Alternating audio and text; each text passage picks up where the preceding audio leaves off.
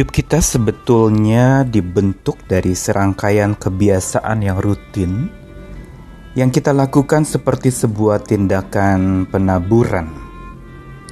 Ada sebuah ungkapan, taburilah pikiran dan engkau akan menuai tindakan. Taburilah tindakan dan engkau akan menuai kebiasaan. Taburilah kebiasaan dan engkau akan menuai karakter. Dan taburilah karakter engkau akan menuai nasib hidup. Kebiasaan adalah suatu perilaku rutin yang dilakukan secara teratur dan terus-menerus dan cenderung terjadi secara tidak sadar. Kecuali ketika kebiasaan itu ingin diubah, barulah seseorang sadar dan perlu sadar untuk berjuang mengubahnya. Perlu kita pahami pertama-tama kita yang membentuk sebuah kebiasaan tapi lama-kelamaan kebiasaanlah yang akan membentuk kita bahkan menjadikan kita seperti kita adanya hari ini. Bahkan kebiasaan pun lama-kelamaan bisa mengontrol dan mengendalikan hidup kita, serta bukan tidak mungkin kebiasaan itu akan membentuk siapa kita. Saya Nikolas Kurniawan menemani dalam sabdanya menyapa kita lagi hari ini dari Daniel pasal 6 ayat 11 dan 12. Demi didengar Daniel bahwa surat perintah itu telah dibuat, pergilah ia ke rumahnya. Dalam kamar atasnya ada tingkap-tingkap yang terbuka ke arah Yerusalem.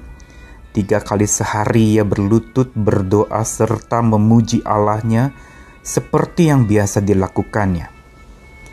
Lalu orang itu bergegas-gegas masuk dan mendapati Daniel sedang berdoa dan bermohon kepada Allahnya. Kondisi Daniel pada waktu itu dalam bacaan kita hari ini adalah sebuah kondisi yang tidak mudah buat seorang muda seperti Daniel.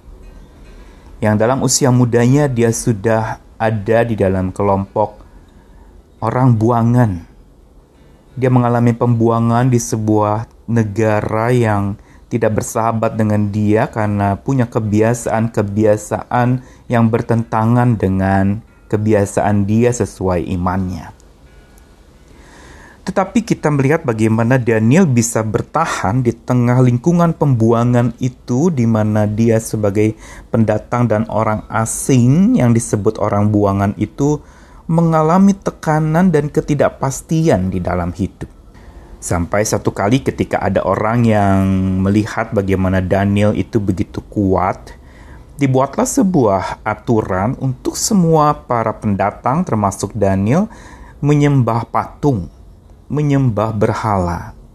Dan ini bertentangan dengan iman yang dipercayai oleh Daniel. Dan ketika dia mendengar berita dan pengumuman itu, dan resikonya adalah kalau dia tidak menyembah patung itu, maka dia akan dimasukkan ke dalam gua singa yang lapar, yang siap menyantap orang-orang yang dimasukkan ke dalam gua itu.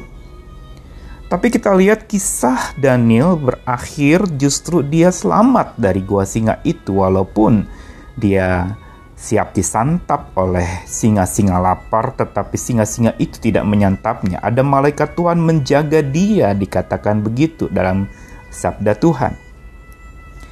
Apa kunci keberhasilan Daniel selain Tuhan yang memang menyertai dia dan melindungi dia dengan perisai kasihnya? Kunci keberhasilan Daniel yang merupakan satu tindakannya yaitu kebiasaan hariannya yang rutin ia lakukan. Dikatakan dalam bacaan tadi tiga kali sehari seperti biasa ia melakukan berlutut, berdoa, memuji Allahnya, dan memohon kepada Allahnya. Inilah kebiasaan Daniel yang sudah biasa dilakukan bahkan sebelum mengalami pembuangan setiap harinya hidupnya diisi, diawali, dan dikawal oleh perjumpaannya dengan Tuhan.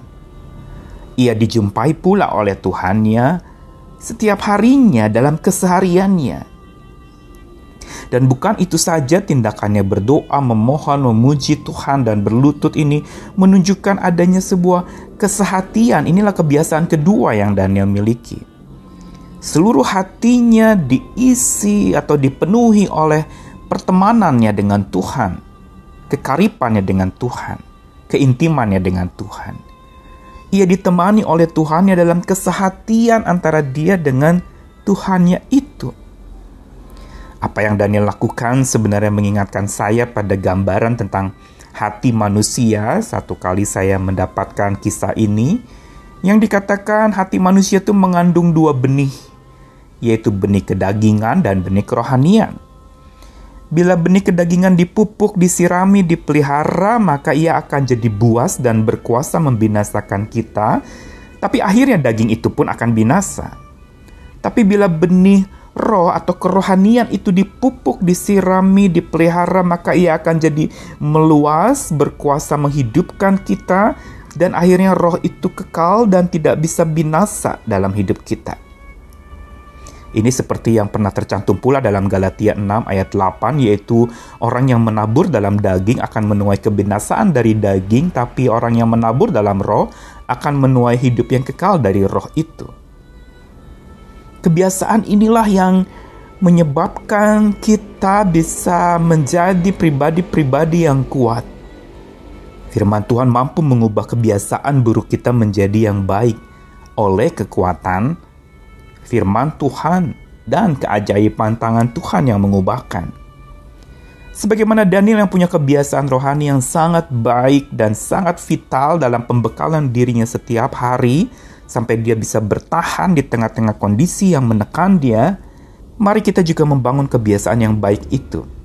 Dan biarlah doa kita dari hati yang terdalam adalah doa agar setiap hari dijumpai Tuhan dalam keseharian dan ditemani Tuhan dalam kesehatian.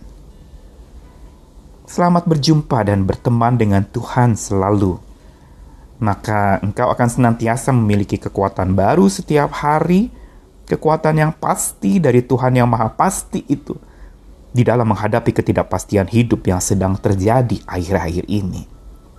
Biar kebiasaan baik ini dijumpai Tuhan dalam keseharian dan ditemani Tuhan dalam kesehatian menjadi doa kita setiap hari. Selamat berjumpa, selamat berteman dengan Tuhan kasihnya menaungi kita senantiasa. Amin.